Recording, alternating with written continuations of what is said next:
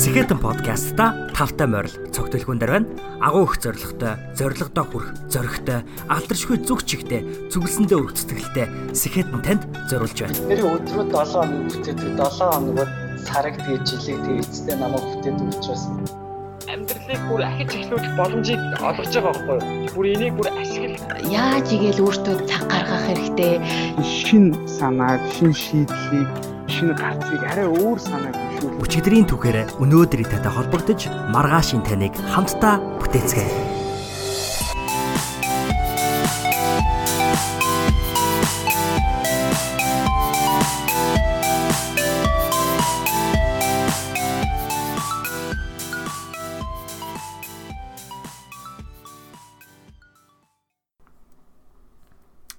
Сайн бацхан уу та бүхэнд энэ өдрийн мэндийг хүргэе. Сэхэдэн подкастын хамтран хөтлөгч цогт бэлгүүн дээр байна. За энэ хүрээд энэ хүрээд бишээ. Ингээд манай подкастын маань Нямин 8 булангийн маань 77 дугаар нэгэн дугаар эхэлж байна. За энэ дугаарыг бол сүүлийн дугаар хийснээс хойш нилээдгүй хугацааны дараа хийж байна. Ер нь та бүхэн бол ажиглаж байгаа ах. Миний Сэхэдэн подкастта дугаар оруулдаг байдал маань гэдэг юм уу нилээн одоо тодорхой бус тогтмол бус болсон байгаа. Тэгээ энэ шалтгааны тухай нэгэн дугаарыг бас хийсэн гэж хэлж болно. Гэтэ энэ бол ерөөсөө миний тухай дугаар биш. А би өөрийнхөө туулсан туулж байгаа зүйл дээрээ тулгуурлан яг нэг сэдвийн хүрээнд ярилцах хүсэлтэй зөвхөн чин сэтгэлийн нэг юм дугаар та бүхэндээ бэлдэн хүргэх гэж байна. За энэ удаагийн дугаарыг би сэтгцийн эрүүл мэнд миний 2 цент гэж нэрлэж байгаа. Тэгээд Няминан подкаста би хийхдээ маш цөөн тохиолдол. Ер нь нэг 100 тохиолдлоос тийм ээ 100-гийн одоо 98 99 хувьд нь л би а дандаа гарчгийг хамгийн сүүлд өгдөг. Гарчиг бол дандаа хоёр төгч зүйл яадаг. За тэр тусмаа гарчиг бол а одоо тухайн дугаарынх нь гарчиг тийм ээ тайтл бол өгөх хамгийн хэцүү процессуудынхаа нэг бол яалтч хүмүүс байдаг. А тэгэхээр тэр хэцүү процессуудынхаа нэгийг хөнгөвчлөөд а би гарчгийг нь төрүүлээд өгчлөө Гэхдээ энийг ингэж нэрлэлсэн гачиг нь бас төвлж нэрлэлсэн нь томоохон шалтгаантай. Тэрний үг яг энэ дугаар дээр зүгээр сэтгцийн эрүүл мэнд буюу англиар mental health гэдэг зүйлийн тухай ярилцахыг хүслээ. Хоёрт а хоёр дахь гарчгийн маань хоёр дахь хэсэг болох миний 2 цент гэж нэрлсэн учраас англи хэлэнд нэг юм idiom байдаг my 2 cents гэж тийм ээ. А тэгээд энэ ямар учиртай цент одоо idiom бэ гэхээр хэрвээ одоо хэн нэгэн одоо англи хэлэнд харилцаа яриа хийж байгаа. За миний 2 цент бол гэж хэлвэл одоо маш том энэ сэдв байна тийм ээ. Гэдгийг хүлээн зөвшөөрөөд одоо даруухнаар тийм ээ. За миний одоо хувийн үзэл бодол бол өөрийг тань ямар ч үл хүндлэх байдлаар биш. А мөн энэ сэдвийн маш том маш чухал гэдгийг үнэлж би одоо ойлгож байна. А тэрэн дээрээ тэрэн дээр нь би зөвхөн өөрийнхөө үзэл бодлыг өөрийнхөө одоо өчүүхэн миний үзэл бодол энэ юм шүү гэсэн утгыг одоо хэрэгэлдэг юм байна Тэгэхээр миний өчүүхэн үзэл бодол сэтгцэн эрүүл мэндээр гэсэн дугаар гэж хэлж болно. Миний 2 цент гэдэг. За тэгэхээр подкаст дээр удаан уулзаагүй шалтгаан нэгт олон хүмүүс намайг магистрийн оюутан болсон тул завгүй байгаа. Тийм учраас подкаст подкастыг хийхгүй байгаа гэж ойлгож байгаа. За энэ бол зөв. А гэхдээ энэ бол үнэн. Гэхдээ одоо энэ хүч химээгүй байсан үеийн маань амьдралын маань энэ хэсгийн түүхийн маань цор ганц үнэн цор ганц нэг тал одоо энэ түүхийн ерөөсөө дан түүхийг нь л миний магистрийн оюутан байгаа гэдэг энэ шалтгаан бол дангаараа эзлэхгүй маа. Энд мэдээж хэрэг одоо үнэн гэж бид хэлсэнтэй. Гэтэ энэнд маш олон тал, маш олон юм сэдвүүд байгаа. Маш олон хэлбэр өнгө тийм ээ. Маш олон details, context тийм ээ. Агуулга энэ дотор байгаа маа. Тэгэхээр энэ агуулгыг би задлаад ярих юм бол Тэгээд энэ агуулгаас ойлгосон зүйлээ тань эргээгээд ярих юм бол тэр чигтээ сэтгцэн эрүүл мэндтэй холбоотой зүйл юм аа. За 2018 онд би Америк нэгдсэн улсын Миннесотагийн их сургууль буюу University of Minnesota-гаас төгссөн. Тэгээд 2018 оноос 2019 он хүртэл ер нь саяхныг хүртэл Америкт одоо сургууль төгссөн хүн нэгээс 3 жилийн хугацаанд ажиллах хэрэгтэй байдаг. А миний одоо төгссөн мэрэгжлийн хүрээнд бол би яг 1 жил ажиллах хэрэгтэй байсан. Тэгээ 1 жил ажилласан те. За ингээд нэг жил ажиллаад байгаа дээрээсээ Монгол руу очиж нааш цааш явц хугацаа алдахгүй дээрээсээ GIAS магистрхаа бас боловсролыг дээшлүүлээд Монголдо одоо буцаж очих зорилготой учраас шууд үргэлжлүүлж магистрхаа програмд оролцсон суралцж байгаа. За ингээд харах юм бол одоо энэ 2018, 2019 за одоо энэ гарч байгаа энэ 2020 он энэ бүхэн бол ингээд надад төсөөлөгдөж байгаа мэдрэмжээр бол ингээд маш хурдан байгаа байхгүй. Нэг тийм онгоцоор нисээд байгаа юм шиг те маш хурдан нисэл. Эсвэл ажил хурдны зам дээр давхаад байгаа юм шиг маш хурднаар. Тэг яг ийм мэдрэмжийг төрүүлээд байгаа. За энэ нь одоо ямар зүйлийг бий болгосон бэ гэхээр өөрчлөлтийг. Өөрчлөлт гэдэг дээр нэг зүйл байна Тэрний үг гэхээр амьдрал дээр өөрчлөгддөггүй зүйл гэж нэгч байхгүй. Амьдрал дээр цорын ганц тогтмол зүйл гэж байдаг нь тэр нь өөрөө өөрчлөлт юм а гэж үгээдэг. Тэгэхээр зэрэг хүн болгон надтай адилхан таач гисэн энийг сонсож байгаа хүн болгон амьдралын ямар нэгэн өөрчлөлт дундуур байнга явж идэг. А тэрнтэй адилхан миний амьдралын хамгийн сүүлд одоо тохиосон томоохон өөрчлөлт бол бакалаврын оюутан байжгаад профешнл буюу мэрэгчлэн болоод нэг жил ажиллаад за нэг жил ажиллаж агаад одоо магистрийн оюутан болоод эргээгээд оюутан болох тийм ээ мэрэгжлийн оюутан гэж хэлдэг л яг одоо миний сурж байгаа чиглэлийг professional student за ингээ оюутан болчихоо. Тэгэхээр ингээ байнгын өөрчлөлтүүд. За тэгэхээр уул ингээл оюутан байж байгаа л мэрэгчлэн болоод мэрэгчлэн байж байгаа л оюутан болохоор ингээл мэддэг зүйл рүүгээ мэддэг ертөнц рүүгээ. За тэгээ миний тохиолдолд бүр а одоо өнгөрсөн 5 жил амьдэрсэн нутагтаа үргэлжлүүлээ 6 дахь жилдээ амьдраа. За өмнөх одоо 16 оноос 18 онд сурсан сургуультай эргэж ирж сурна гэхээр уулнаар ингээд маш одоо тийм нэг үгээр хэлвэл юм тухтай бүстэй би байгаад байгаа байхгүй ууг нь. Гэтэл энэ нь өөрөө надад бас бусад олон одоо юм мэдрэмжүүдийг бол төрүүлж эхэлсэн. Энэ өөрчлөлт яагаад ч би амьдралд өмнө нь тохиолдож исэн өөрчлөлтүүдээс хамгийн одоо тасгахад тийм ээ adjust хийх буюу дасах дасан зогцноход бол хамгийн хэцүү энэ өөрчлөлт байсан. За энэ өөрчлөлтийг би эргээд харахад надад нэг зүйлийг өөрийнхөө энэ өөрчлөлтөөр үндэслээд нэг л зүйлийг энэ подкастн дээр би захимаар байгаа. Сэтгцийн эрүүл мэндийн өнөөдөр бид нэр сайн байхын тулд self care гэж англи хэлээр хэлдэг үг болох өөртөө халамж анхаарал тавих гэж тийм ээ self care өөртөө халамж анхаарал тавих.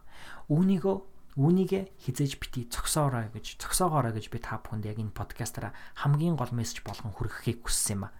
За тэгэхээр ерөөсөө манай одоо энэ энэ подкастын энэ дугаарыг маань энэ сэдв яг энэ зөвхөн зүйлийн тухай ярих байгаа. Тийм учраас хэрвээ а та энэ зүйлийн тухай илүү тодорхой сонсохыг хүсвэл бас улам ойртоод суугаарай. За янз бүрийн ингээд өөрчлөлтүүдэд ороод одоо том өөрчлөлт дундуур яваад ирэхээр зэрэг а за маш их одоо өөрчлөлтүүд дундуур яваад тэгэхээр зэрэг надад төрсэн одоо миний одоо энэ амьдралын түүх дунд та бүхэнтэй хуваалцахыг хүсэж байгаа мөн хуваалцахыг хүтим одоо нээлттэйгээр хуваалцахыг хүсэхгүй байгаа маш олон одоо энэ деталууд байгаа тийм ээ.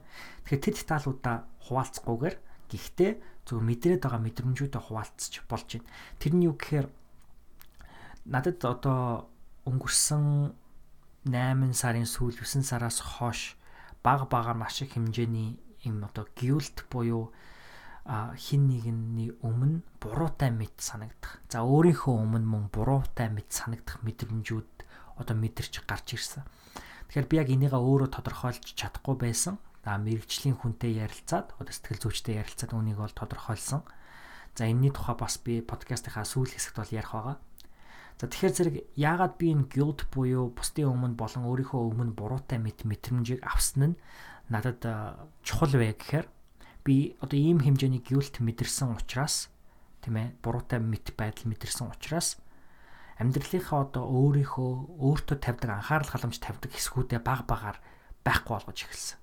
Тэр нь юу гэхээр тогтмол спорт одоо одоо спортоор тийм ээ тасгал сургуультай хичээлдэг режим гэж ярьдаг тийм ээ тэр маань ингээ алдагдсан 7 хоног одоо 3 өдөр одоо workout хийх буюу жингийн тасгал хийхтэй.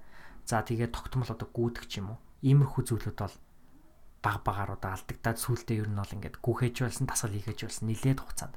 За гэтээ сүүлийн хугацаанд бол одоо эргээд а эдгээр режимдээ орсон байгаа. Тэгээ энэнийхээ тухай би подкастынхаа сүүл хэсэгт ярина. За дээрэс нь яагаад энэний тасгалыг ингээд хийхэ болцсон бэхээр надад өөр зүйл хийж явах ёстой. Аль эсвэл би яг энийг хараахан бол мэдэхгүй байна л да. Одоо яг яг ийм учраас гэж хэлэх хэцүү яагаад тэгэхээр хүний одоо сэтгц гэдэг зүйл чинь өөрөө маш одоо комплекс тийм ээ. Маш одоо ийм том зүйл учраас бол түүнийг нэгэн зүйл багтаагаад ярих бол хэцүү. Гэтэ зүгээр магадгүй миний бодлоор аа би ийм зүйл хийх ёстой байтал ийм зүйлд цаг зарцуулаад тийм ээ тасал хөдөлгөөн хийгээд авах юм бол би цаг хугацаагаа буруу зүйлд зарцуулаад байна гэсэн одоо бас эргээгээл нөгөө guilt буюу тийм харамсах мэдрэмж төрж байгаа байхгүй. За дээрэс нь за энэ одоо нэг одоо habit тийм ээ энэ habit-ыг магадгүй keystone habit буюу тулгын чулуу habit гэдэг ч юм уу тийм үү. Нэг би одоо өмнө ярьж исэн л да дадал зуршлын хүч түүний тогтоом барих чадал гэдэг дугаар дээр тэр нь юу юу гэх keystone habit гэдэг бол хүн амьдралдаа нэг дадал зуршлыг бий болгоход амьдралын бус дадал зуршлууд бол аяанда одоо бий болоод эхэлдэг гэдэг тийм ээ. Тэгэхээр түүнтэй адилхан одоо тасал хөдөлгөөн хийхэ болчхоор зэрэг бусад амьдралын маань бас одоо намайг тодорхойлдог дадал зуршлууд маань ингээ болоод эхэлчихсэн. Жишээ нь одоо бясалгал хийдэг ч гэдэг юм уу тийм үү? Аа тэмдэглэл бичих ч гэдэг юм уу? Янз бүрийн одоо өөрийнх нь амьдралд хэрэгтэй аа тэрхүү дадал зуршлуудаа ингээд болж эхэлсэн. За болж эхлэн гэхээр мэдээж хэрэг шууд болохгүй байж болно л да. Одоо жишээ нь 7 хоногийн завсартай нэг идэх ч юм уу. Аль эсвэл тэр нь бүр дараа нь холдоод 2-7 хоног болдог ч юм уу. За миний хувьд бол одоо подкаст дугаарууд тогтмол хийчих одоо тийм хангалттай сэтгцэн одоо одоо capacity буюу одоо ийм том хүрээлэл тол тархитлагын маань байхгүй болоод байгаа юм шиг тийм ээ. Тэгэхээр эргээгээд бас магадгүй яг яг хэлэхэд бол хэцүү гэтээ эргээгээд яг нэг мэдрэмжнээс болоод ингээд маш олон зүйлүүдээ нэг дадал зуршлаа хаяснаас болоод маш олон бусад дадал зуршлуудаа хүн ингээд үгүй хийж эхэлдэг. За энээсээ болоод хүн өөрөө өөртөө анхаарал тавих, өөрөө өөртөө халамж анхаарал тавихаа болж эхэлдэг. Энэ нь болохоор өмнө нь өөрийнхөө өөртөө зарцуулдаг байсан цагаа болоод эхлэхээр өөрөө хүн би яг хин юм бэ тийм ээ би яг юу хийж явах хэвтэй юм бэ гэдэг зүйлүүдэд баг багаар мартахаас гадна өөрт нь өгдөг одоо mental clarity буюу одоо хамаагүй нээлттэй, хамаагүй тодорхой, хамаагүй хурц сэтгэн бодох чадрууд ингээд мэдгэдэхүйс хэмжээнд буураад эхлэхээр зэрэг хүн баг багаар сэтгэл санаагаар унах ч гэдэг юм уу. Өөрөө өөртөө сэтгэл ханамжгүй болох ч гэдэг юм уу. Өөрийгөө дутуу үнэлэх тийм ээ. Аль эсвэл өөрөөсөө болон бусдаас буруу хайх ч гэдэг юм уу. Маш олон энэ мэдрэмжүүд бол төрж эхэлнэ. Тэгэхээр энэ нь өөрөө хүнд тийм гайхшрал тэр нь өөрөө хүнд ингээд сонин одоо яг юу болоод байгааг мэдэхгүй юм тодорхой бус байдал хүний дотор бий болж эхэлнэ. За түрүүн хэлсэнчлэн та бүхэнд ингээ хуваалцахыг хүсэхгүй деталууд байгаа гэж хэлжсэн те. Тэгэхээр бол тэр нь одоо ингээл одоо хүн болгоны л амьдралд байдаг одоо challenge тийм ээ а хэдий деталь руу дуу орохгүй ч гэсэндээ хүний амьдралд бол даваа садууд байнга байж идэг. Үүнийгээ би даваа сад гэж тодорхойлж хэлж байгаа нэг хүч шалтгаантай. Тэр нь юу гэхээр би подкаст дээр байнга хэлдэг нэг зүйл байдаг. А бид нар өнөөдөр нэг хэмжээний яг нэг төрлийн нэг адилхан амжилтыг бол хизээж а мэдрэхгүй нэг амжилтанд хизээж хүрэхгүй байх магадлал өндөртэй. Ягаад тэгэхээр амжилт гэдэг бол өөрөө маш тийм өргөн сэдв. Магадгүй зарим хүний хувьд амжилт гэдэг бол нэг өдрийг а одоо нэг өдрийг маш одоо ад жаргалтайгаар өнгөрөөх гэдэг бол амжилт гэж болно тий. А зарим хүний хувьд болохоор амжилт гэдэг бол маш их хэмжээний мөнгө байж болно. А зарим хүний хувьд амжилт гэдэг бол а өөрийнхөө өмнөө тавьсан зорилгуудад заавал хүрэх гэдэг юм. Ингээл амжилт гэдэг бол хүн болгоны хувьд тодорхойлтод маш өөр. А гэтэл даваа саадууд гэдэг бол хүний хувьд бол нэлээд тодорхой, нэлээд адил байдаг. Тийм учраас би бас өөрийнхөө даваа садуудыг хуваалцаад байгаа шалтгаанууд нь энэ юм л та. Тэгэхээр хүн болгон бол одоо амьдралын ямар ч үед бол тодорхой зүйлдээ тулж түүнээсээ янз бүрийн мэдрэмжүүд авч тэдгэрийг даван туулах юм шаардлагууд бол байнгын бий болж идэг. За энэ зүйлүүд дундуур би ингэ явж байгаа 10 сарын дундуур сүүл хэсэгт манай одоо магистрийн програмын ангийнхан ангаараа зүгээр одоо Halloween буюу одоо сүнсний баярыг тэмдэглээд нэг найзынхаа гэрт ингээд апартментэд байдаг одоо ийм парти өрөөнд ингээд цуглаад ингээд нэг оройг зүгээр ингээд тоглоом тоглол тоглоод ингээд өнгөрөөсөн. Тэгээд тэр тоглоом дээр зүгээр нэг хөвгчлөлтэй тоглоом байсан аахгүй. Тэр нь юу гэхээр мэргийн тоглоом. Тэгээд тэр мэргийн тоглоом гэдэг нь нөгөө tarot card гэж яддаг шээ. Тэг ингээд мэргийн хүнзэр.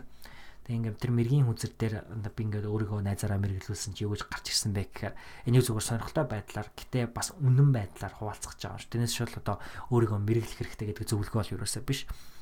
А тэр мэргийн байдал дээр зүгээр яг одоо надад юу гэж хэлсэн бэ гэхээр яг одоо чиний туулж байгаа бүх зүйлийг даваад гарсны дараа чи одоо breakthrough moment буюу ийм гаталж туулж цохиж гарч ирэх мөчийг одоо мэдэрч үүнээсээ улбалж чи илүү mature буюу илүү аа ухаан суусан, илүү боловсрсан, илүү туршлах суусан, илүү том хүн болж одоо үүний ард гарна гэсэн нэг ийм одоо мэргийн юм гарч ирсэн аахгүй. Тэгээ энэ нь ягаад чим надад маш их одоо баяр баясгалыг өгсөн. Ягаад тэгэхээр миний амьдралдаа сүүлийн хэдэн жил нэлээд хүсэж байгаа зүйл өөрийнхөө өмнө нэлээд тавьж байгаа зүйл юу вэ гэхээр илүү аж ахуйч нэгэн болох, илүү одоо том хүн хүн шиг байх те илүү хариуцлагатай тим нэгэн болох гэдэг одоо зорилготой.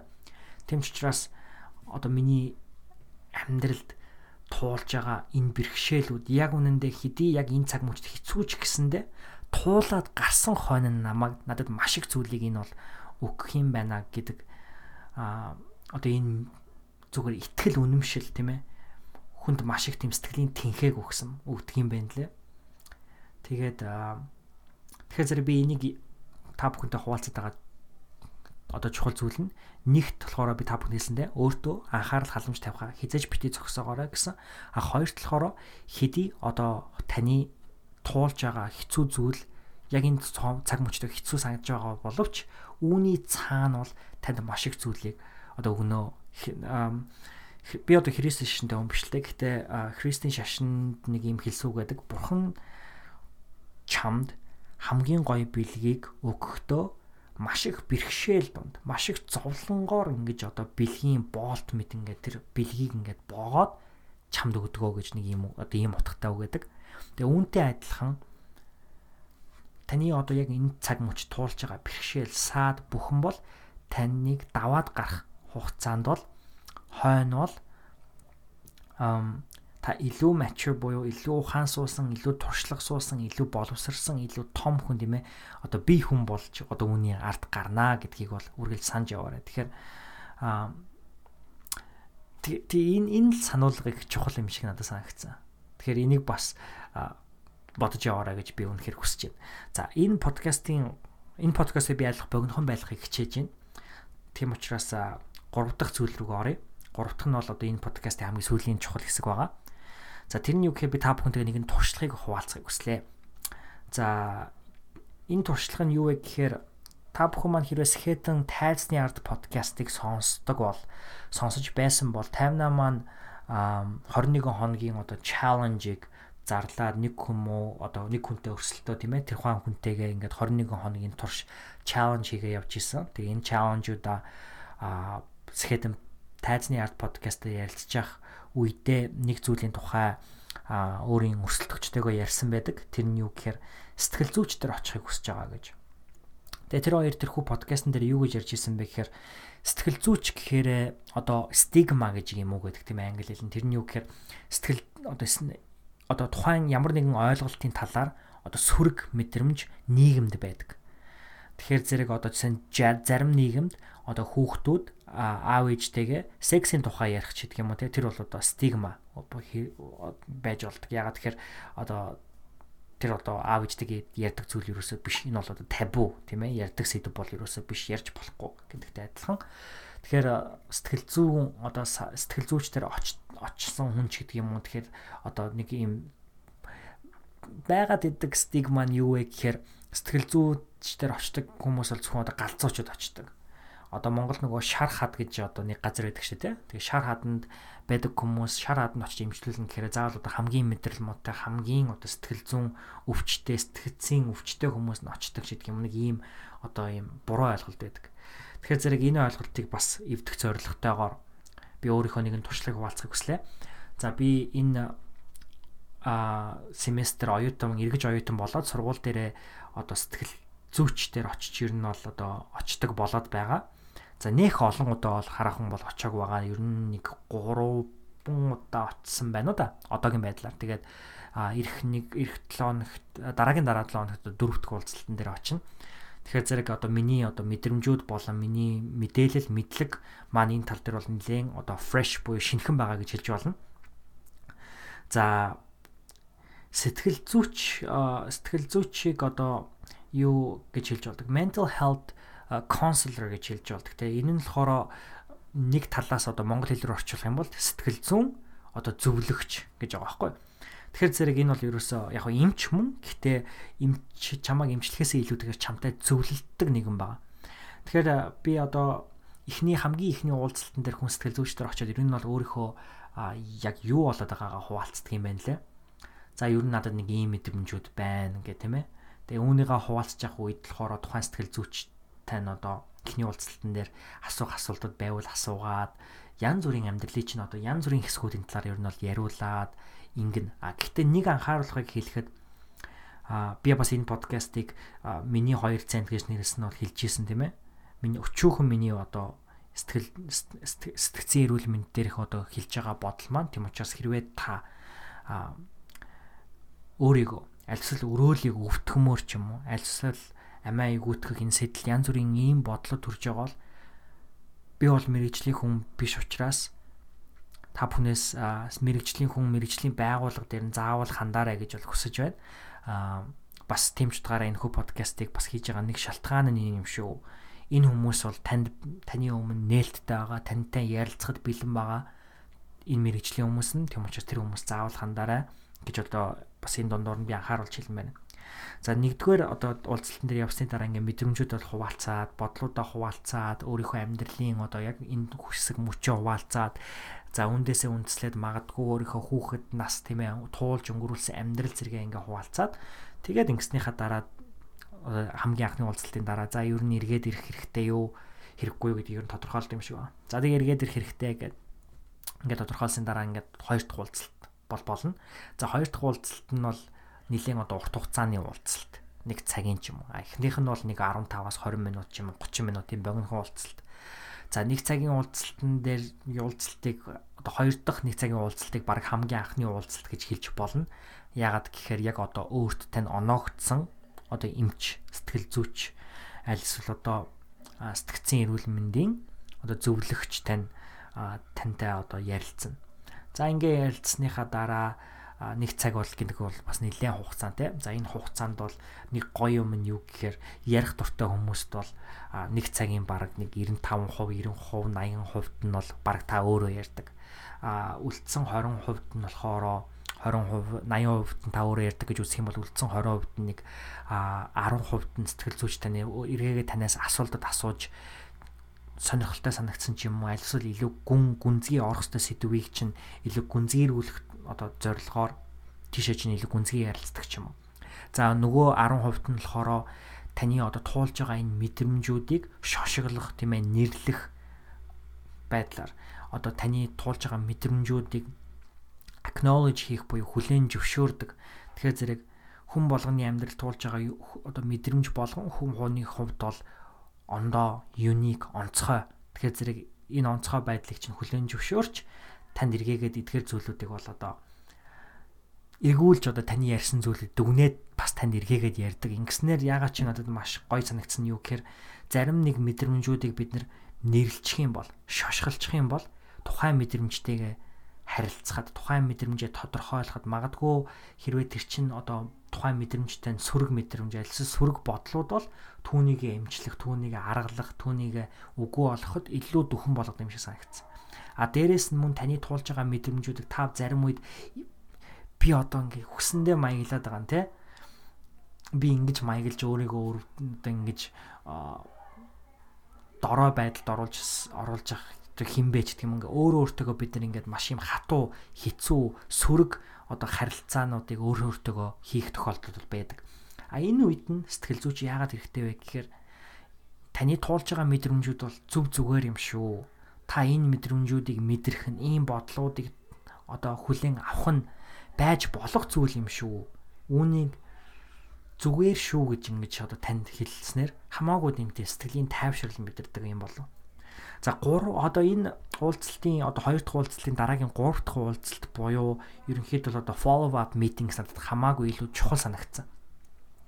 Яагаад вэ гэхээр одоо яг өөртөө оногцсон эмчтэйгээ ерөнхийдөө хоёр удаа уулзж ин гэсэн үг тийм. За ингээд уулзахад бол надад хамгийн ихний асуулт нь сэтгэл зүйч одоо сэтгцэн эрүүл мэндийн зөвлөлтөнд танаас юу гэж асах вэ гэхээр за хоёул одоо уулзаад 2 7 хоног өнгөрсөн байна 3 7 хоног өнгөрсөн байна магадгүй 1 сар өнгөрсөн байна гэж одоо танаас асуу хэлээ тийм ээ. За энэ өнгөрсөн хугацаанд амьдралд тань одоо дээшлэх мэдрэмжүүд тийм ээ амьдралын аз жаргалтай сэтгэл өөдрөх сайхан мэдрэмжүүд сайхан үеүүд сайхан одоо түүхүүд юу вэ? За мөн нөгөө төгөр амьдралын одоо lows буюу энэ сэтгэлээр унсан сэтгэл санаагаар гутарсан ч гэдэг юм эсвэл хэцүү цаг мөчүүд юу байсан бэ гэдэг энэ асуултуудыг бол энэ асуултыг бол одоо асууна. За энэ асуултыг ингээд хариулж явах үед надад маш гоё санагдсан л да. Ягаад тэгэхээр яг үнэндээ хүн ингээд ерөнхийдөө туулж байгаа амьдралын тань хэсэг ингээ хэцүү юм шиг санагдаад байгаа боловч яг ингээд суугаад тогтоод эргээд ярих юм бол амьдрал танд байгаа болж байгаа зүйлүүд эрэг гэгээтэй сайхан зүйлүүд нь илүү олон байдаг юм шиг санагдсан. Мэдээж хэрэг хүн хүний хувьд хүн хүн болгоны хувьд бол энэ бол ондоо байж болох зүйл. Гэхдээ миний итгэж байгаа зүйл яг юу вэ гэх юм бол бид нар үнэхээр цаг хугацаагаан аваад төр зур амьдралын энэ завгүй байдал дундаас төр зур пауз завсарлага аваад зогсоод гад тэр явж байгаа газараа зогсоод твэрээ гаргаж ирдэг ч юм уу альсвал дотныхоо итгэж найддаг хүнтэй ярилцаа тийм ээ өөрийнхөө амьдралд болоод байгаа баярламаар талархмаар үйл явдлуудаа бодоод ингээд ярилцах юм бол альсэл бичих юм бол буулгах юм бол өөрөө өөртөө хэлэх юм бол маш их тэм гэгээтэй зүйлүүд маш их байдаг. Тэгэхээр зэрэг ингэж өөрийнхөө сайхан мөчүүдийг харж авснаар өөрийнхөө мөн бусад одоо хэцүү мөчүүдийг хүртэл хүлээн зөвшөөрч эхэлдэг юм шиг надад санагдсан. Яагаад гэвэл бид нар үнэхээр хамгийн сайхан гэгээтэй мөчүүдээ хүлээн зөвшөөрч байж эргээгээд хэцүү цаг үедээ зөвшөөрнө шүү дээ. За тэгээд хоёр дахь уулзалт өөртөө ноногдсон одоо өөрийнхөө эмчтэй сэтгэл зүйчтэй уулзж байгаа хоёр дахь уулзалтын бас нэг чухал зүйл нь юу гэхээр таны одоо туулаад байгаа мэдрэмжүүдийг одоо таны сэтгцэн эрүүл мэндийг одоо диагноз хийх буюу ерөнхийдөө одоо өвчнийг нь тодорхойлно те. За одоо миний одоо та бүхэнтэй хуваалцахад зөв зүгээр зүйл нь юу гэхээр одоо миний диагнозис юу байсан бэ гэхээр ерөөсөө энэ бол одоо өөрчлөлттэй холбоотой ийм мэдрэмж одоо ийм өөрчлөлттэй холбоотой л одоо өвчин гэхэд цаашаа энэ зүгээр ийм мэдрэмжүүд гэж хэлвэл илүү зүгээр юм болов. За хүн болгон бол амьдралд зөндөө өөрчлөлтүүдийг туулж гардаг гэж түрүүн зөндөө хэлсэнтэй түүнтэй адилхан а энэ өөрчлөлтүүд донд заримдаа маш их хэмжээний стрессийг бол одоо бий болгож идэг. За тэр стресснээс үүдсэн одоо ийм үүдлийн а тийм зүүн зүйл дундуурлаад явчихна гэж одоо намайг одоо дүгнж байгаа байхгүй. За ингээд дүгнчлээ. Одоо тэгвэл яах вэ? Одоо нэг нэг осондоо зүгээр энгийн эмч бол одоо нам миний өвчнийг тодорхойлчлаа тий. За тэгвэл одоо өвчнөө эдгэхийн тулд эмчилгээ хэлгүүлэг ийм уух хэрэгтэй шүү дээ тий. За сэтгцэн эрүүл мэндийн хувьд болохоор надад хамгийн одоо гайхамаарч гэдэг юм уу хамгийн дог бас санагдсан зүйл нь юу гэх юм бол эргээд энэ их стрессийг үгүй болгохын тулд эргээгээд сэтгэл сэтгэл сэтгэлзийн сэтгэл зүйн хувьд илүү доктортой болохын тулд эргээгээл нөгөө хамгийн подкастын хамгийн түрүүнд ярьсан self care буюу self care буюу өөртөө халамж анхаарал тавихаар үргэлжлүүлэх хэрэгтэй гэж байгаа байхгүй. Тэгэхээр амьдралдаа одоо зорилгоодыг тодорхойлох хэрэгтэй. За тэр зорилгоудаа энэ удаад болохоор би зөвхөн өөртөөгөө биш альсвал дотныхоо хүнтэйгээ биш эмчтэйгээ хамтдаа тодорхойлно. За тэгээд тэр эмч маань одоо намайг тусалдаг ч юм уу тийм ээ дэмждэг ч юм уу тийм ээ иймэрхүү байдлаар надад одоо туслаад дэмжиж явна. За энэ зорилгууд нь тэгвэл юу вэ гэхээр мэдээч хэрэг энэ имчилгээг энэ сэтгэл зүйн уулзалтуудын дараа үүний цаана гарахад ямар хүн болохыг хүсэж байна гэдэг энэ асуултыг асууж байгаа надаас. Тэгэхээр зэрэг энэ магадгүй асуултыг та бас өнөөдөр өөрөөсөө ч асууж болно.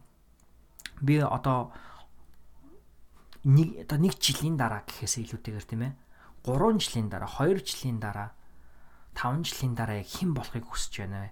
Гэж өөрөөсөө асуугаад тэгвэл энэ одоо хүн болохын тулд би яг юу юу хийх ёстой вэ гэдэг энэ зорилгоодыг өмнөө тавих. Тэгэхээр зэрэг энэ бол одоо бидний байнга энэ подкастн дээр энэ подкаст платформ дээр Skeleton podcast дээр байнга ярьдаг зүйл агааз. Өмнөд зорилго тавих ёстой зорилгын төлөө зүтгэх ёстой гэдэг одоо энэ зүйл. Гэтэл энэ одоо дугаарын болон одоо миний энэ одоо амьдралын түүхтэй энэ зүйлийн хамгийн сонирхолтой зүйл нь юу вэ гэхээр ерөөсөө сэтгцэн эрүүл мэндийн нэг одоо эмчилгээ нь self care буюу а өөртөө анхаарал халамж тавих гэж гарч ирж байгаа байхгүй.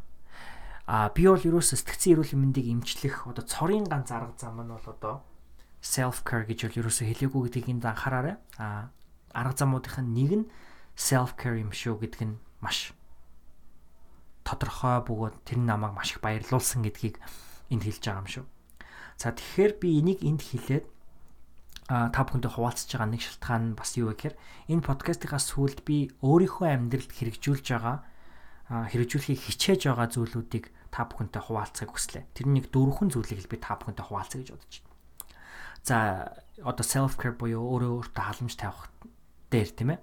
За нэгт болохоор би нэг сүүлийн 1 сар гаруй одоо ер нь баг 2 сар болох гэж магадгүй. За 1 сар л бах тэгж хэлүүлээд зүгээр ах. Гэтэ би нэг тэмдэглэж мэмдэглэж авахгүй байгаа. Тэр нь юу гэхээр би усанд орох болгондоо хүүтэн усанд орж байгаа. За өөрөө өөртөө халамж анхаарал тавина гэчихэд хүүтэн усанд орно гэхээр амар тийм а эсрэг утгатай зүйл юм шиг сонсогдож яж магадгүй. Гэтэ намайг сонсоорой. А хүүтэн усанд орно гэхээр би одоо хүд усанд орно гэхээр мэдээж хэрэг хүмүүс маш олон байдлуудаар ордог л доо одоо одоо баананда мөс дүүргээд хүд усан дотор хөвтөг хүмүүс байна.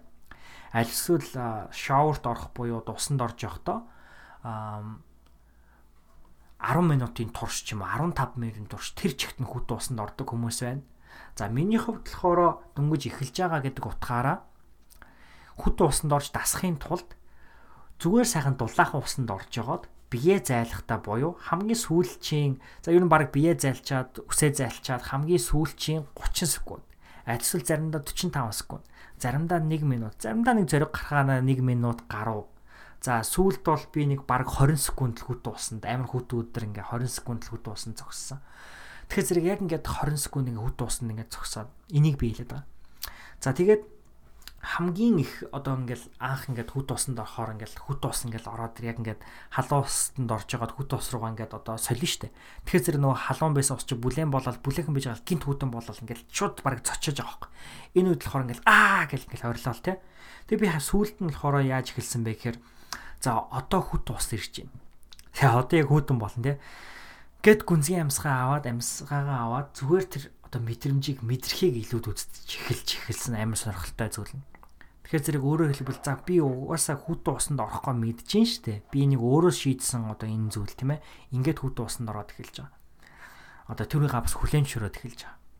За тэгээ ингээд хүүтэн усанд орохоор ямар ямар даваа талууд байна вэ гэдэг би та бүхэндээ одоо хуваалцъя. Тэр нь юу гэхээр хэрэг би одоо судалгаа шинжилгээнүүдийг нь гаргаж ирээд одоо ярих юм бол түн буман benefits буюу даваа талууд та бүхэнд хуваалцчих болно. А тэрний оронд би зүгээр хувийнхаа л одоо мэдрэмжүүдийг хуваалцъя гэж бодож байна аа би бол одоо кофе уух маш их дуртай. За өглөө хүд уусанд орохоор зэрэг баг кофе уусантай адилхан сэргэж байгаа байхгүй. Ягаад тэр хүний зүрхний цохилтын хэмжээ бол тооны хэмжээ бол шууд маш их эрс нэмэгдэж байгаа.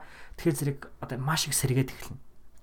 За тэгээд дараагийн нэг мэдрэмж нь юу вэ гэх юм бол замарсан өглөө ус хүд уусанд орох юм бол маш одоо сэргээд кофе уусантай адилхан сэргээд эхэлж байгаа юм те. За дараагийн нэг мэдрэмж нь болохоор ингээ өдөр ингээ өнгөрөөд ингээ өдөр ингээ явж байхад болохоор нэг тийм хүнд нэг тийм тав тухтай баймар ч юм уу. Нэг ингээл заримдаа ингээл ер нь бол зарим өдөр ингээл ялангуяа сургууль мургуултай явж байхад бол ингээл хүн амтнд нэг уулзаал юм яриад баймаргүй зүгээр хичээлээ гэл ингээл чимээгүй байж ямар санагдаад идэг штэ.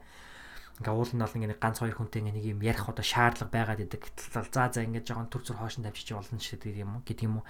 Ер нь жоохон нэг тийм тухгүй юмнуудыг ингээ хиймэргүй санагдаад байдаг. Үе байдаг а хүүтэн усанд орчхоор зэрэг ингээ аль хэдийн тийм одоо нэг юм хоёрын хооронд юмнууд болохоор ингээ ерөөс асуудал биш санагдаад идэг. Тэгээд ингээд эсвэл заримдаа ингээ өдрийн ингээд юм жоохон хэцүү ингээ зарим өдөрт бол одоо ингээл бухимдмаарч гэдэг юм уур хүргэмээр ингээ тохиолдол маш их гарна тий. Кофега асгдаг ч юм уу, бүглэрдэг ч юм уу.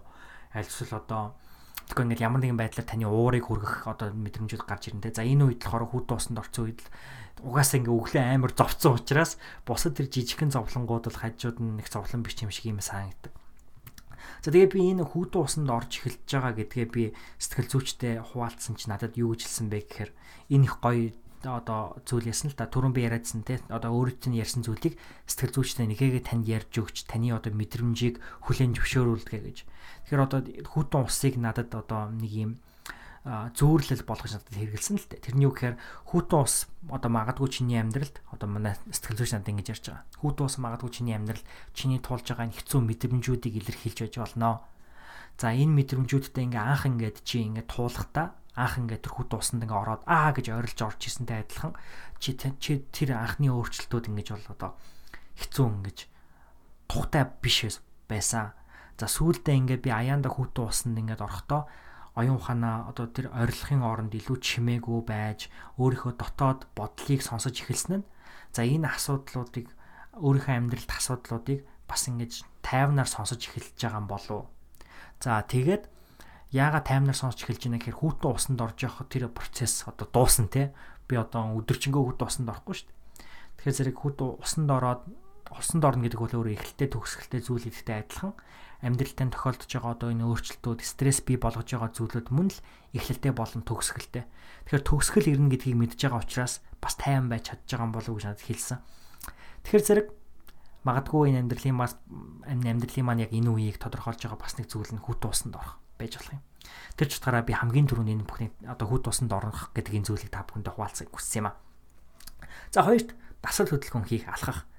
Аа за энэ одоо хоёр зүйл хоёр дахь зүйл дотор маань баг хоёр зүйл байна л да. Ягаад тэгэхээр дасгал хөдөлгөөнөө би ер нь бол нэлээд хийхэ болж байгаа сүүлийн нэг 2 7 хоног 3 7 хоног ч байна. Ер нь буцаад эргээгээд яг 7 хоногт 3 өдөр дасгалаа хийгээд эхэлсэн.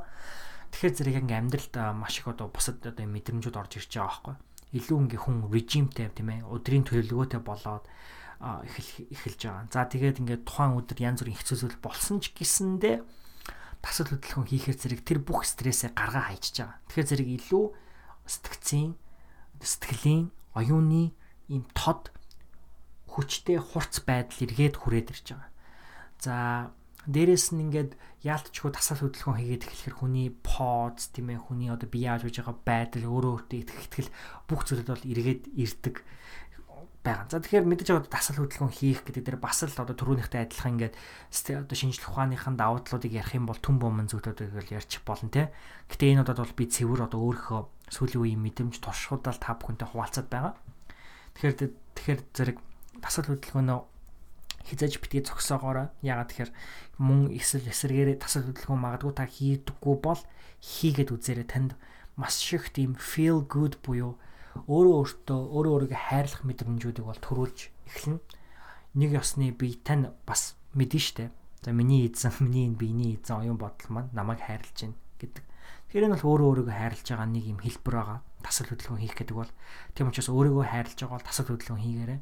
За хоёрт би гэхдээ энэ хоёрт тасал хөдөлгөөн хийхэд дээр би нэмж нэг зүйлийг ярихыг хамгийн хүсэж байгаа зүйл нь юу гэх юм бол алхах.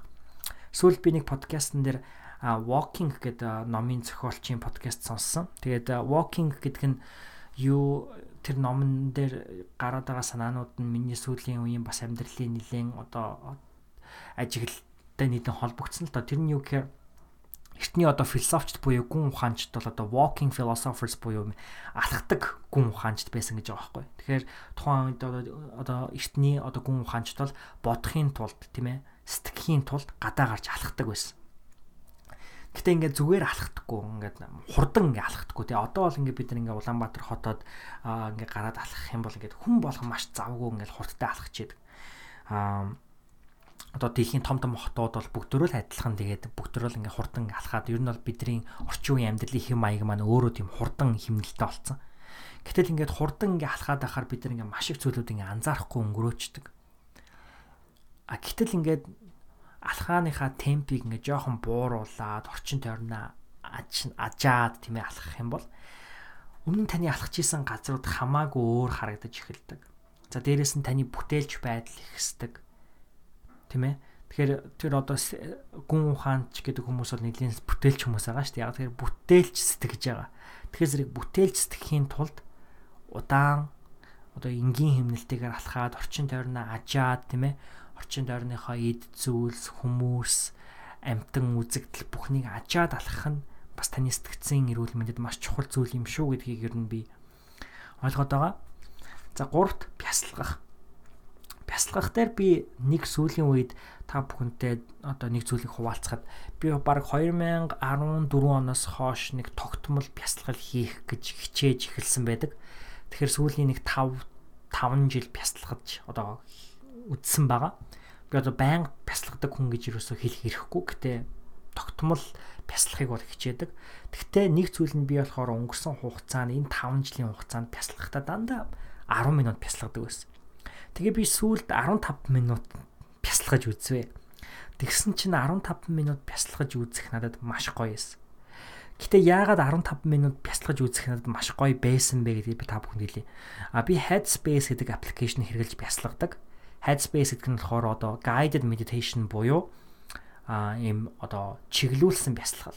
Тэрний юу хэлдэг вэ гэхээр бясалгалын одоо багш за одоо ингээрээ одоо тэгэрээгээд таны бясалгалыг чиглүүлээд бясалгадаг.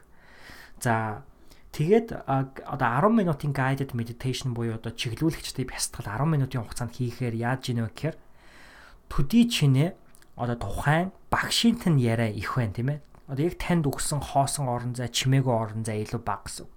Гэтэл 10 минутаас 15 минут руу үсэрсэн чинь нөгөө чимээгүй орон зай нь хамаагүй их болцсон. Өөрөөр хэлбэл 15 минутынхаа 5 минутанд нь нөгөө хүн нь яриад 10 минут нь чимээгүй би бясалгаж байгаа байхгүй. Тэгэхээр яг үндэ 10 минут бясалгасан байна л да.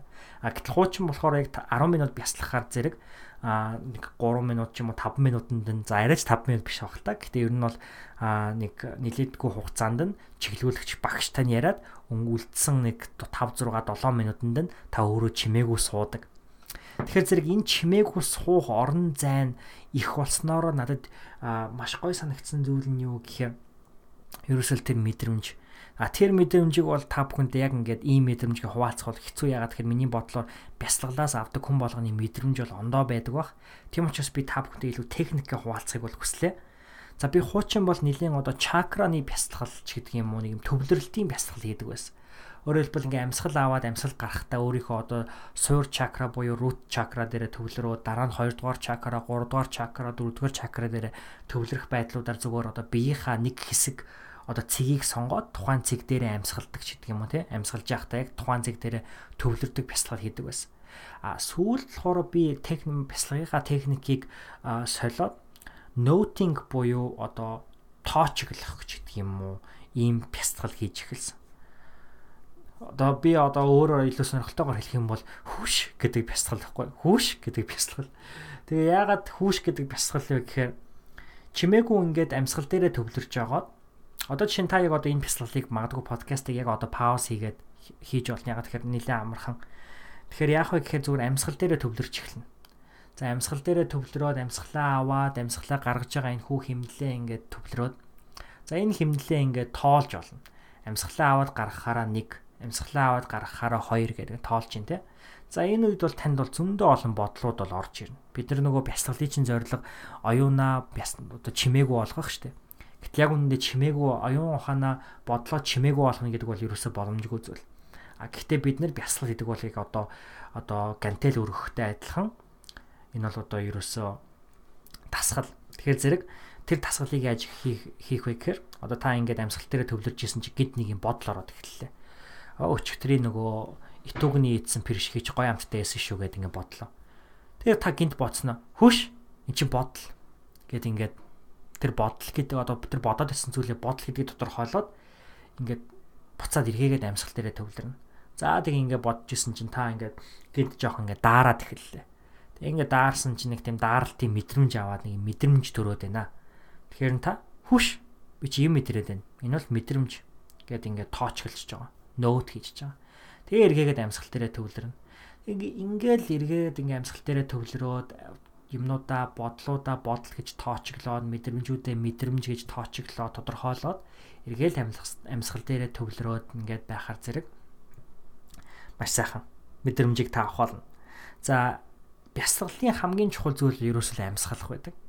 За хэдий би одоо 14 оноос хойш бясалгалыг одоо practice хийж эхэлсэн гэж байгаа боловч би яг бас эргээд бодох юм бол одоо өөртөө баярлах биш ээжтэй баярлаад бясалгалыг яг үнэндээ бас нэлээд багасаа хийж эхэлсэн байж магадгүй. Тэр нь юу гэхээр ээж маа надад нэлээд багаас амьсгалаа одоо аваад авснаасаа илүү удаан амьсгал гаргаж сур.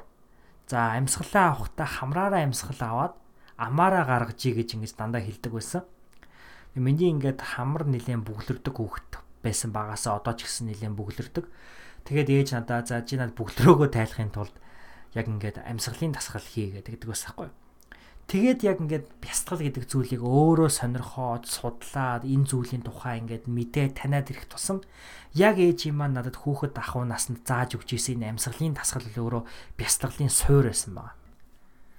Тэгээд үүнийг хуваалцж байгаа шалтгаан нь юу гэхээр бясалгал гэдэг бол ингээд маш брендинг асуудалтай зүйл. Ингээд бясалгал гэхээр ингээд заавал завил суугаал тийм ээ аа ингээл хүч мүж асаагаал ингээд ч юм ингээд ийм олон зүйл ерөөсөө хэрэггүй бясалгал гэдэг бол хамгийн энгийн концепт нь болохоор ерөөсөө амьсгал дээр л ирдэг юм шиг байна. Тэгэхээр амьсгал авахта та амьсгалаа ингээд яг одоо энэ подкастыг сонсож байхдаа ажаар та ингээд амьсгал чинь яг ингээд чэйжэн дээр зогсоод байна уу? Альс үнэхээр гүзээр үч нь ороод гиз чинь том болж байна уу?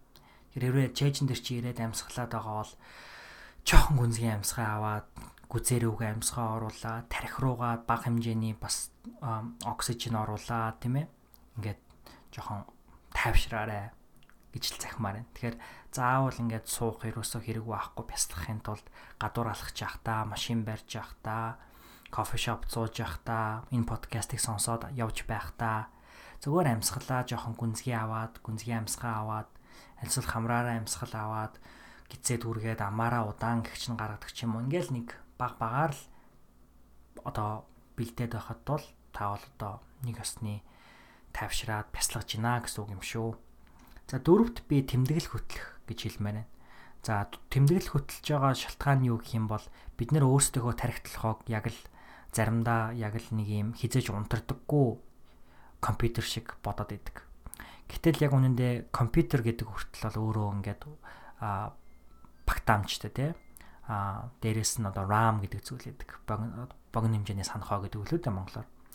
Тэгэхээр богино хэмжээний санах гэдэг нь юу хэлж байгаа юм гэхээр та компьютертаа ингээд маш олон програмууд нээсэн байжгаад асаагаад унтраахад бол тэр одоо бүх юмнаа ингээ мартаад ингээ шинээр сэрнтэй компьютер чинь түүнтэй адилхан бид нар ингээ толгоонд маш олон ингээ бодлоод хөглөрөөд ингээ бодоод шин санаанууд гарч ирж идэг.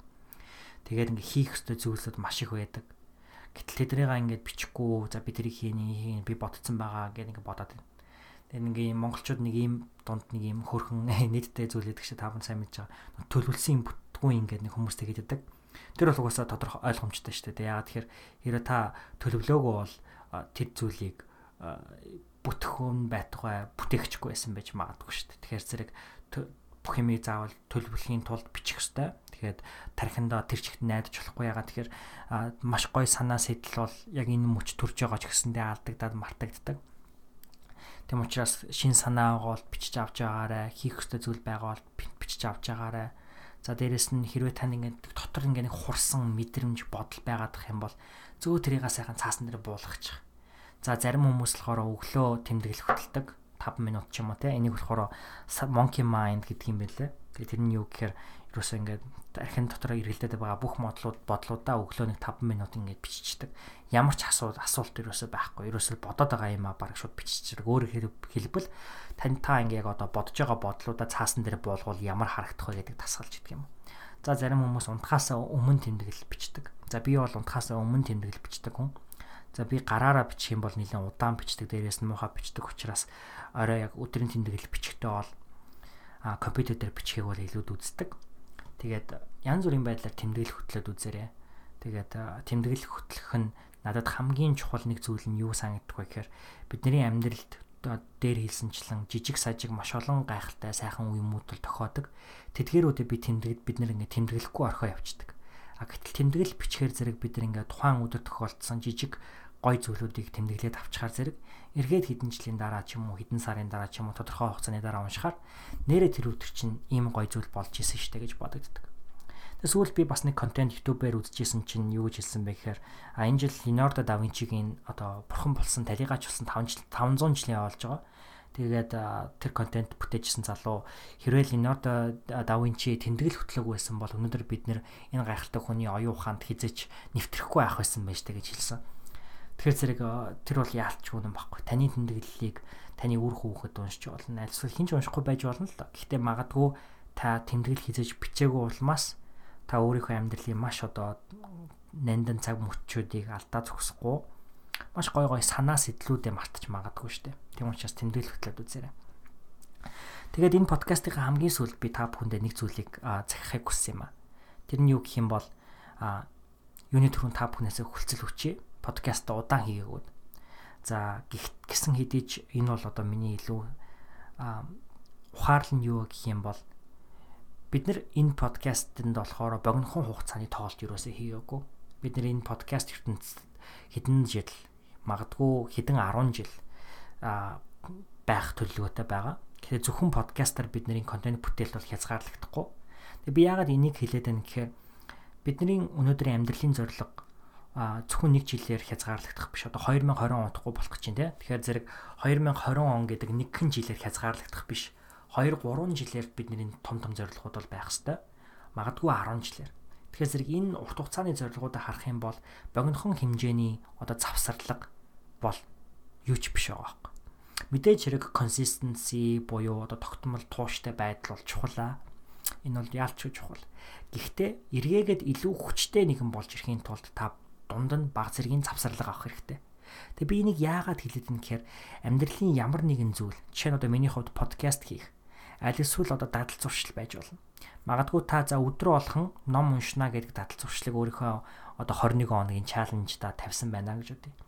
Гэтэл та нэг 3 хоног номоо уншиж байгаа 4 5 хоног дээрээ хийсэнгөө орхичлоо.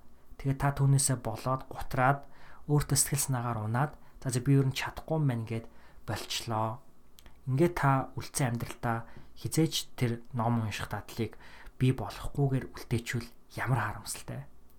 Гэтэл өнөөдөр өнөөдөр бид нар гадаад хэл сурдаг тийм ээ. Монголчууд маань хүн болгоно л.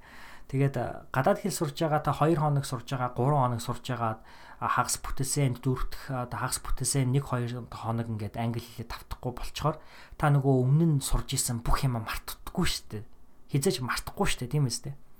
Тэгэхээр зэрэг түүнтэй адилхан. Та хүү дуусанд орох ч юм уу. Тасал хөдөлгөөн хийж илүү илүү алхдаг болох ч юм уу такси ярих оронд. Эсвэл бясалгадаг болох гэж байгаа ч юм уу. Альсвал тэмдэглэл хөтэлдэг болох гэж байгаа ч юм уу. Ийм бол хэдий та ингээд өдөр болгон тогтмол түүнийгээ хийж чадахгүй ч гэсэндэ хийж чадаагүй ч гэсэндэ тэрэндээ бит сэтгэлээр унаарай. Эргээгээд та заавал харин эргэж очиорой. Түүнтэй адилхан бид нар би одоо подкастнда эргээд очиж чинь те подкастыг хийх гээд завсарлага аваад сэтгцэн эрүүл мэндийн завсарлага аваад mental health break аваад ингээ эргээд ирж шүү дээ. Тэгэхээр зэрэг хамгийн гол нь intention буюу зорилго чухал. Хамгийн гол нь practice хийх нь чухал. Өнөөдөр бид нэр өдөр болгон тасал хөдөлгөөн хийдэг хүн болох гэж яваа юм бишээ. Харин өнөөдөр бид нэр эрүүл амьдралын хэм маягтай нэгэн болохыг хичээж байгаамаа. Өнөөдөр бид нар өдөр болгон ном уншдаг хүн болохын төлөө биш ээ. Гэхдээ илүү мэдлэгтэй боловсралтай нэгэн болохыг хичээж тэмүүлж байгаамаа тийм үү? Өнөөдөр бид нар өдөр болгон бясалгадаг хэн нэгэн болохын төлөө биш. Харин илүү тайван, илүү амгалан тим нэгэн болохыг, тим илүү амарлангуй, илүү тайван нэгэн болохыг тэмүүлж байгаамаа. Тэгэхээр энэ бол бидний амьдралын зорилго. Тийм учраас 1 хоног, 2 хоног, 3 хоног магадгүй 1 сар альва зүйлээс завсарлага авах нь зүгээр. Гэхдээ хизээч өөрийнхөө хайрлахаа, өөртөө анхаарал халамж тавихаа битгий зогсоогоорой. Анхаарал халамж тавина гэхээр одоо заавал энэ хэцүү зүйлүүдийг татаад зуршлуудыг хийхгүй хийх гэсэн үг бол бас бишээ. Таны хувьд юу зөв бэ гэдгийг олж, тодорхойлж, мэдж түүнийхээ төлөө тэмүүлээрэй гэж та бүхэндээ хүсхийг хүссэн юм аа. За уул нь би энэ подкастаа бараг нэг 30 минут 40 минутын подкаст болно гэж бодож илаа. Гэтэл 40 минут биш 50 минутын подкаст болсон байна. Хамгийн сүүлд нь та бүхэндээ нэг зүйлийг хэлхийг хүслээ. Тэр нь юу гэхээр саяхан буюу 2000 19 оны 11 сарын 19-нд Skate подкастын маань 2 жилийн ойн өдөр тохиосон байгаа. За энэ хүү 2 жилийн ойн өдрөө Skate подкастын сонсогч та бүхэндээ Skate гэр бүлдээ мэндийг хүргэе, баярыг хүргэе За мөн өөрийн подкастын хамтран хөтлөгч таймнадаа энэ өдрийн баярын мэндийг хүргэе. Мөн баярлаа гэж хэлье яагаад тэгэхээр би юм хийхгүй байх зур бол таймнаа маань тогтмол юм а хийсээр л байсан. Таймнаа маань ч гэсэн маш их завгүй амьдралын хэм маягтай нэгэн гэтлүүнийхээ хажуугаар 21 хоногийн чаленжаа хийж Скетэн тайзны арт подкастаа ч одоо өрнүүлж Скетэнд подкаста дээрх контентуудаа арвжуулж таймтай хамт номын илцүүлэхээс гадна таймтай хамт танин мэдхүү таймтай хамт технологийн хувьсэл гээд олон подкастын бүлгүүдийг гаргаж ирж маш гайхалтай контентуудыг хүргэсээр байгаа тийм учраас би үүнээс түүнээс илүү гайхалтай хамтрагчийг бол үнэхээр гуугаад олоод олж чадахгүй тийм учраас подкастын хамтрагчд баярлалаа. За мөн энэхүү подкастыг дэмждэг миний арт байдаг хүн болгонд маш их баярлалаа. Энэ подкастыг бий болгоход надад тусалсан хүн болгондоо хайртай хүмүүстээ маш их баярлалаа гэж хэлмээр байна. За тэгэхээр өнөөдөр бол 11 он 11 сарын 19-ны өдөр биш те 25-ны өдөр. Яг одоо бол чи Америк нэгдсэн улсад 11 сарын 24-ний ням гарагийн шөнө 11 цаг болж байна. За энэ подкаст маань магадгүй яг одоо ялсвал хэдэн цагийн дараа гарах бах Монгол улсад 25-ны өдөр. За би яг ингээд за сэхэтэн подкаст чинь ойн өдөр хизээ вэлээ гэдэг ингээд ерөөсө бодоод ерөөсө санахгүй байсан л да. Тэгвэл би нэг зүйлийг санаад байсан. Тэрний юу гэхээр би хамгийн анх сэхэтэн подкастыг анх хийхдээ Нями 8 анхны дугаарыг гаргахдаа аа нэг өдрийг сонгож гаргасан нь Монгол бахархлын өдөр байсан. Монгол бахархлын өдрийг нь юуг тэмдэглэдэг гэдэг та бүхэн мэдж байгаа. Энэ бол их эзэн Чингис хааны төрсөн өдөр тийм ээ. А хизээ тэмдэглэдэг болсон бэ гэхээр өвлийн тэргүүн сарын шөнийн нэгний өдөр. Тэгэхээр зэрэг хэрвээ яг энийгаад бариад явах юм бол манай Скетэн подкастын маань 2 жилийн бол хараахан тохиогоог байгаа. Энэ жил Монгол улсад Монгол барахлын өдөр бол 2019 оны 11 сарын 27-нд тэмдэглэж байгаа юм байна лээ. Шинэ сар гарах үед. Тийм учраас яг одоо бэлгийн тооллоор бол бид нэр юу яагаагүй. 2 жилээ бол арай болоогүй. Аргын тооллоор бол болцсон юм байна. Гэт амар зурхаач шигээр те. За тэр чи яг хамгийн гол нь энэ цаг хугацаанаас илүү та бүхний маань манай подкастын сонсож өнгөрүүлсэн тэр цаг хугацаа илүү чухал юм шүү. Тийм учраас та бүхэндээ маш их баярлалаа. Сэтгцэн эрүүл мэндэд анхаарал халамж илүү тавиарай гэж та бүхэндээ хүсье. Ягаад тэгэхээр одоо улам өдөр богиносч байна цастай тийм гунигтай ч хэмээр өдрүүд ирж байна. Яг ч миний хувьд өвөл илүү гунигтай санагддаг яагаад тэгэхээр илүү юутай учраас цастай учраас бас илүү их нарны гэрэл бага учраас тийм учраас энэ үе бол яахын аргагүй сэтгцэн эрүүл мэндэд илүү их анхаарал тавих, өөрөө өөртөө илүү их анхаарал халамж тавих ёстой цаг үе юм ч юм шүү. За ингээд энэ хүрээд Skeleton podcast-ийн маань хүрээнд бэлтгэн хүргэдэг Нями 8 podcast-ийн маань 77 дугаар өндөрлж байна. Баярлаа. Баяртай.